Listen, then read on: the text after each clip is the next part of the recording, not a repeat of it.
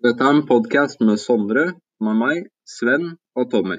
I denne podkasten skal vi snakke om internett og de ulike grunnene til at kanskje internett har blitt så populært som det er den dag i dag. Ja, som vi vet så er internett en viktig greie for veldig mange, så da kan vi spørre deg da, Tommy. Hva er det du bruker internett mest til? Eh, jeg bruker det mest til å se på YouTube. Eh, det er en eh, ting jeg bruker mye tid på. Ellers så bruker jeg f.eks. på å se nyheter, få med hva som har skjedd i verden. Eller så er det Ja, det går for det meste i å se på YouTube og sport og nyheter. Ja, og spill.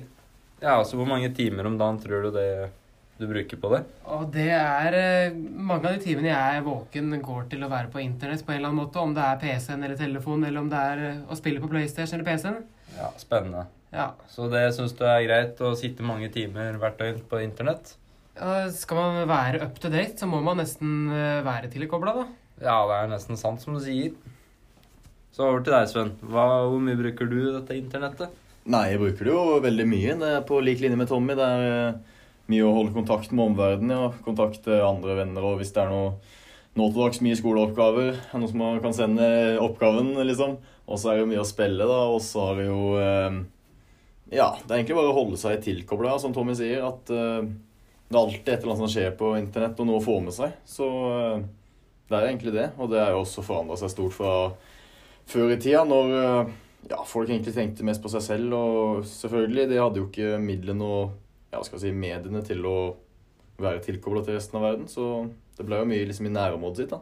Ja, Nå er vi jo tilgjengelig på internett så å si hele tiden med våre telefoner. Er det en bra ting?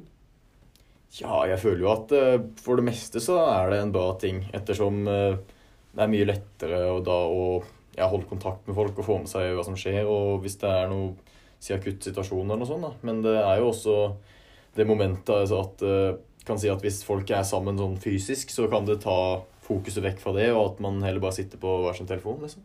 Ja. Du da, Tomme? Hva mener du om det? Nei, jeg synes det det er en ting man nesten må ha nå. Skal man være med i samfunnet og i gjenger, så må man ha telefon og være up to date der.